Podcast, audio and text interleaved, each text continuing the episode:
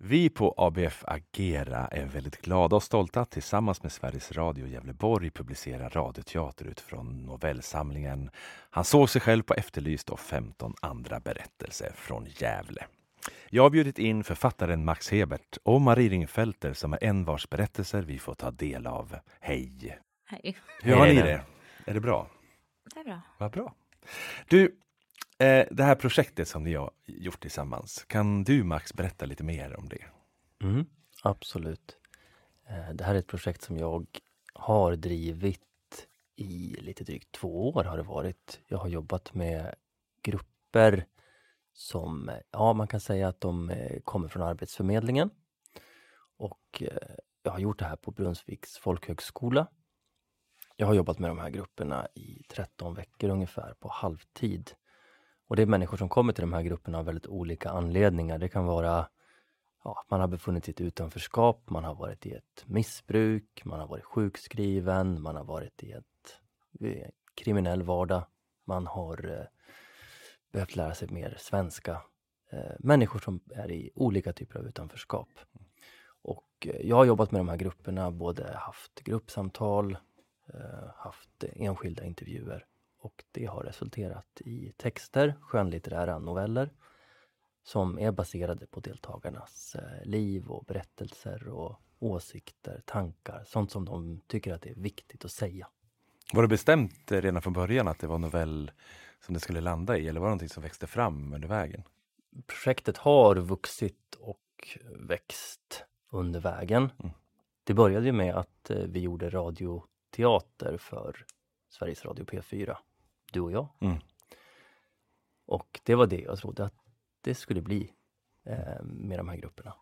Men eh, sen så har, ja, det, jag märkte att det var väldigt spännande grupper och den responsen som vi fick tycker jag också var intressant både från publiken och från deltagarna.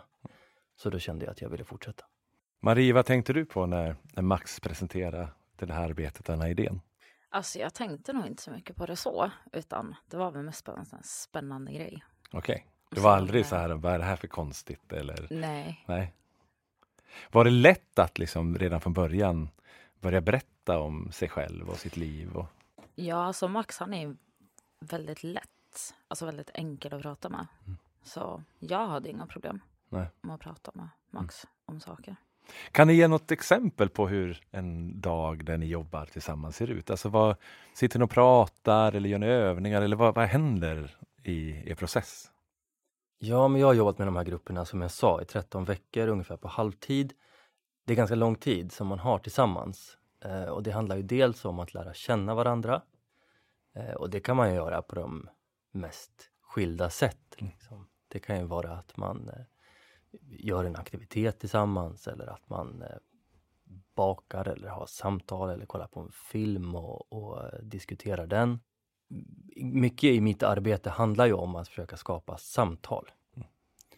Eh, Att få deltagarna att associera, fundera över sina liv och sina personer och det de har varit med om och det de befinner sig i. Och det har jag ju kunnat göra mm, ja, på, dels liksom genom att bara ha ett vanligt enkelt samtal, att ha en intervju, men kanske också gå och titta på en konstutställning eller att ta med gruppen och besöka en rättegång på tingsrätten. Vad, vad uppstår då plötsligt? Va? Ehm, Så att det, ja, de har sett ganska olika ut, dagarna som vi har haft tillsammans. Mm. Eh, när jag läste de här så slogs det av liksom hur, hur raka och osentimentala de var, men också liksom att få, få möjligheten att ta del av berättelser som vi inte ofta ser. Eh, att vi får chansen att ja. Hade ni något slags gemensamt syfte när ni började om de här texterna? Att, att de, alltså de här ska bli, ja, vad de skulle nå eller vad de skulle betyda? Eller, eller vad, är det någonting som också har växt fram?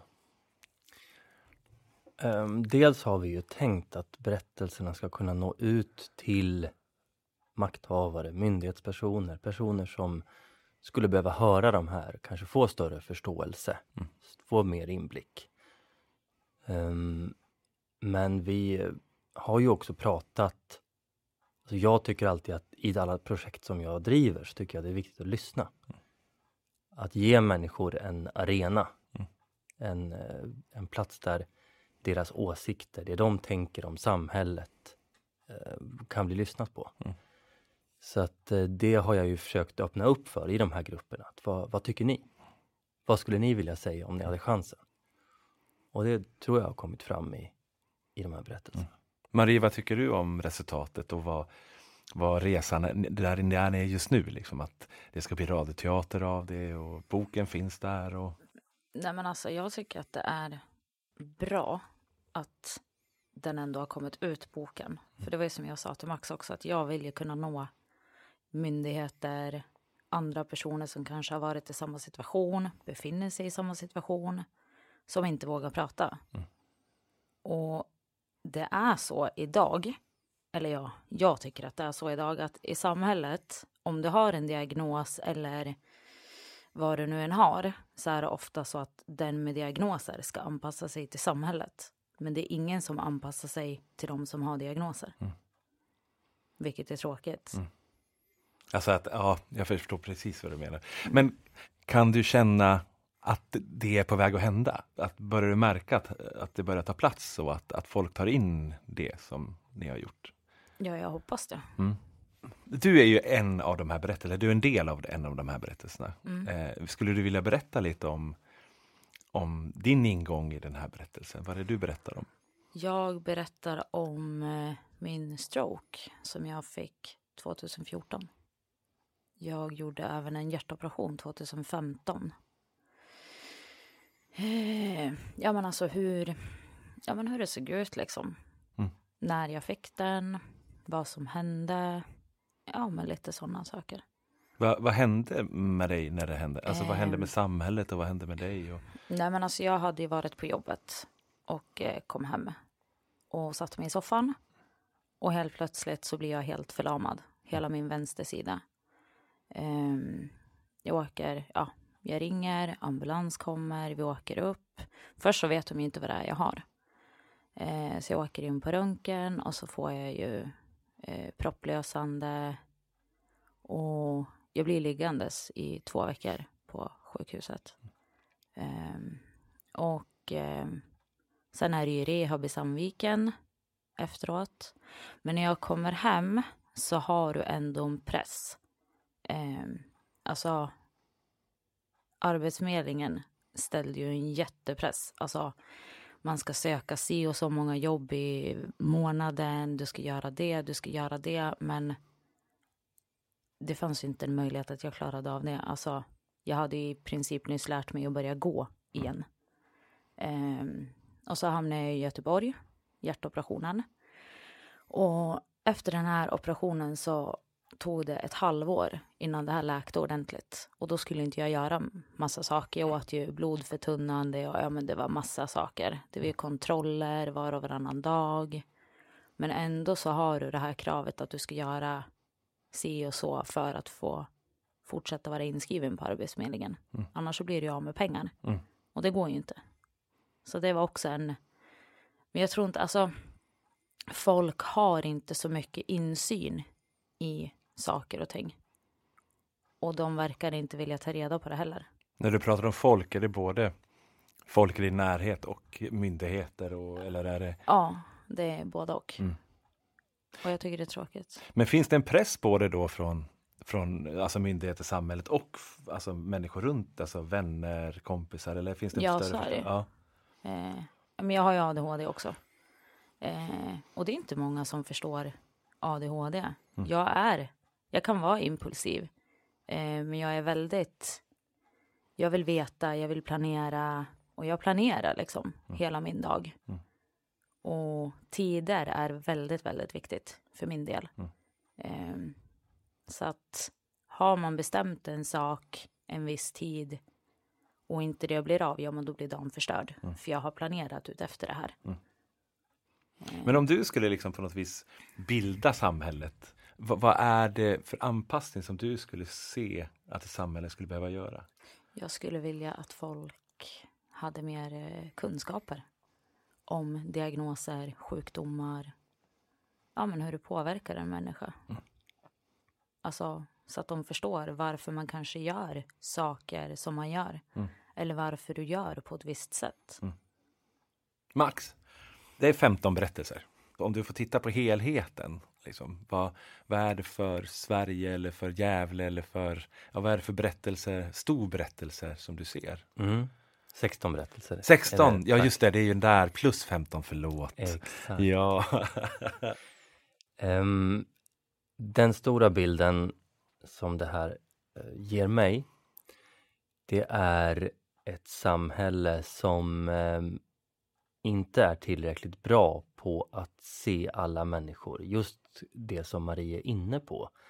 Att för, för vissa, om man inte kan prestera för att man har en diagnos, för att kroppen inte riktigt funkar som den ska, för att man har haft en uppväxt som har varit tuff, för att man inte kan språket. Då kommer man att stöta på väldigt stora problem. Man möter oförståelse, man eh, har tufft att ta sig in på arbetsmarknaden. Man blir kallad för lat, att man lever på bidrag. Ehm, ja, det är ett ganska hårt samhälle. Mm. Och samtidigt, så när jag har fått jobba med de här människorna så växer det också fram en bild av människor som vill, som vill förändra sina liv, som vill kämpa, som eh, vill komma någon annanstans än där de är.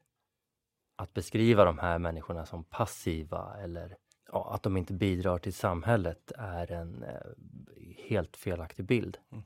Utan eh, det finns en, en otrolig kamp och glöd och kapacitet och kunskap. Men att vi inte förmår riktigt att ta den tillvara. Det är någonting som skaver i det där. För att bilden av den välfärd vi en gång byggde upp och som, som vi har varit så stolta över har ju ändå, man har tänkt liksom att ja, men det, den är byggd på kärlek och förståelse och sådär. Men det här är ändå en bild där, där man känner liksom att eh, väldigt många ställs utanför den här bilden. Är det, jag minns till exempel när vi gjorde ett projekt, du och jag, om skuldsatta. Eh, så mötte vi Kronofogden och då kommer jag ihåg någonting som han sa att en, en, en lag får inte ha känslor. Och jag blev så rädd för den meningen just att är det inte det den måste ha? Måste den inte vara flexibel och se vem man möter? Man kan ju inte liksom vara så stelbenta i ett system. Eller? Mm. Alltså vi lever ju i ett samhälle som förändras väldigt mycket. Man pratar mycket om eh, automatisering, att det krävs väldigt mycket utbildning. Det ställs hårda krav på, på unga människor idag. Ett, ett sådant system där det försvinner väldigt, väldigt många jobb och naturligtvis kommer till en, en del andra jobb eftersom samhället förändras. Men kanske de jobben som kommer till kanske har andra krav och nya krav. Ett sådant samhälle måste göra det mer möjligt för människor att, att komma in och att känna sig delaktiga. För jag tror att det är väldigt farligt när man har ett samhälle där det är många som inte riktigt känner att man hör till. Marie, vad, vad känner du att du är i din resa nu? Eh, Alltså jag är på väg framåt såklart. Men eh, som sagt vägen är inte spikrak. Den är väldigt krokig. Ehm, just nu har jag haft mycket kontakt med eh, ehm, bistånd. För att eh, jag tycker att eh, de måste försöka få till ett möte där både mina hjärtläkare, psykiatrin, ja men arbetsförmedlingen, alla är liksom med. Så att vi är på samma, samma nivå. Mm. För att det blir för mycket krav. Mm. Och det funkar inte. Mm. Jag kan inte. Vågar du ställa krav mer nu än förut? Ja, det gör jag. Mm. Jag har, alltså när jag var yngre, då frågade man ju inte ens om hjälp. Man sa liksom inte att jag förstår inte vad du menar nu. Men eh, med tiden har man ju insett att jag är ju inte dum i huvudet för att jag har en diagnos. Men ofta så får man ju den stämpeln i skolan. Mm. Att man är dum i huvudet, man fattar inte liksom. Mm. Men eh, någonstans har man kommit förbi det där och insett att frågar jag inte så får jag ju inte hjälp heller. Nej. Är det någonting jag inte förstår så måste jag ju fråga. Mm. Och det är jättejobbigt. Mm. Eh, men det har ju även hjälpt mig också. Mm. För vissa gånger så blir man bemött att, ja ah, men gud vad bra att du frågar. Mm. Och det är jättebra. Alltså det är jätteskönt att höra att det finns ändå några som förstår. Mm. Vad, vad har det betytt för dig att få berätta din berättelse? det har betytt mycket faktiskt. Eh, I och med att man har, ja men när man var yngre när man gick i skolan, man har inte haft någon som har lyssnat. Man har inte haft någon som har vågat fråga varför man gör saker. Eller varför man säger saker på ett visst sätt. Men, och jag var ju väldigt sådär när jag kom till Brunnsvik först att nej, det här kommer aldrig funka, fy fan vilket skit. Eh, men jag vet inte, jag hittade ändå en ganska snabb tillit till Max ändå på något vis. Han var lätt att prata med och liksom, han lyssnade. Men han frågade. Det betyder mycket. Att någon liksom verkligen lyssnar och vill veta varför vissa saker blir som det blir eller sådana saker. Jag tänker också på något vis, ni hade 13 veckor på ni har tid på er också. Alltså, to, alltså att det finns en tidsaspekt. Jag tänker på Arbetsförmedlingen och andra som sitter där med, med flera hundra. De ska på något vis försöka hjälpa. Alltså den här lilla tiden som blir över. Alltså det, ja, att, det, det handlar väl om tid också på något sätt. Att ge, ge det här tid. Och då handlar det väl kanske om resurser. Mm, absolut. Men eh, ibland så kan man ju behöva lägga tid på saker också. Det som i, i eh, längden är bäst eller mest effektivt är kanske inte det som går på kortast tid. Nej. Utan om man tar den där extra tiden och lyssnar, då kanske det blir, blir bäst i slutändan. Våra lyssnare då, vad, vad kan de vänta sig om de slår på eller lyssnar på, på de här radioteatrarna utifrån de här novellerna? Ja, det är alltså sex av novellerna från boken som Folkteatern Gävleborg har spelat in för Sveriges Radio. Och eh, det är ju en eh, väldig blandning av berättelser. De handlar om eh, kärlek, de handlar om eh, raggare, de handlar om eh, en vardag i eh, domstolen, hur det känns när man vill byta kön. Det är helt enkelt en, en väldigt bred bild av människor i Gävle, i Gävleborg. Människor som eh, kämpar, som vill förändra sina liv. Och ja, har olika motstånd som de brottas med. Mm. Ja, jag har ju hört dem så här i förväg och måste säga att jag blev både berörd och, och också hoppfull och, och ibland lite lycklig till och med när jag hörde dem. så det är, ja, jag rekommenderar verkligen att lyssna på det. Eh, finns det någonting mer som du Marie skulle vilja hälsa ut i etern? Nej, allting är inte hopplöst. Det är Mm. det det handlar om egentligen. Ge inte upp. Mm. Tvinga folk att lyssna. Mm. Tvinga folk att förstå. Det låter ändå som att vi ställer rätt hårda krav på oss själva när, när vi måste vara de som kämpar i det här. Ja, Eller hur? Jo, så är det. Mm. Men jag vet inte, någonstans har man väl ändå känt också lite ibland att om inte jag kämpar för mig själv och vågar stå upp för den problematiken jag har, Mm. vem ska då göra det? Max, har du någon så här slutlig hälsning? Alltså jag tycker att eh, Marie säger det väldigt bra. Att det handlar om om lyssnande och om kamp. Mm. Och att vi kan göra det bättre än vad vi gör det just nu. Aktivism helt enkelt, på olika sätt. Ja, och att in, inte nöja sig. Jag tror att det kan bli bättre. Ja, ett samhälle är ju någonting som hela tiden, det bygget blir aldrig färdigt. Det måste hela tiden, hela tiden fortsätta och att ta det ansvaret, att vi alla lyssnar och försöker förstå. Och det kommer aldrig bli perfekt. Vi kommer aldrig fullt ut att bli förstådda som människor. Men att vi alla tar ansvar och, och snickrar vidare. Tack ska ni ha båda två. Tack Reine. Och lyssna på det, jag lovar, det är fantastiskt. Tack!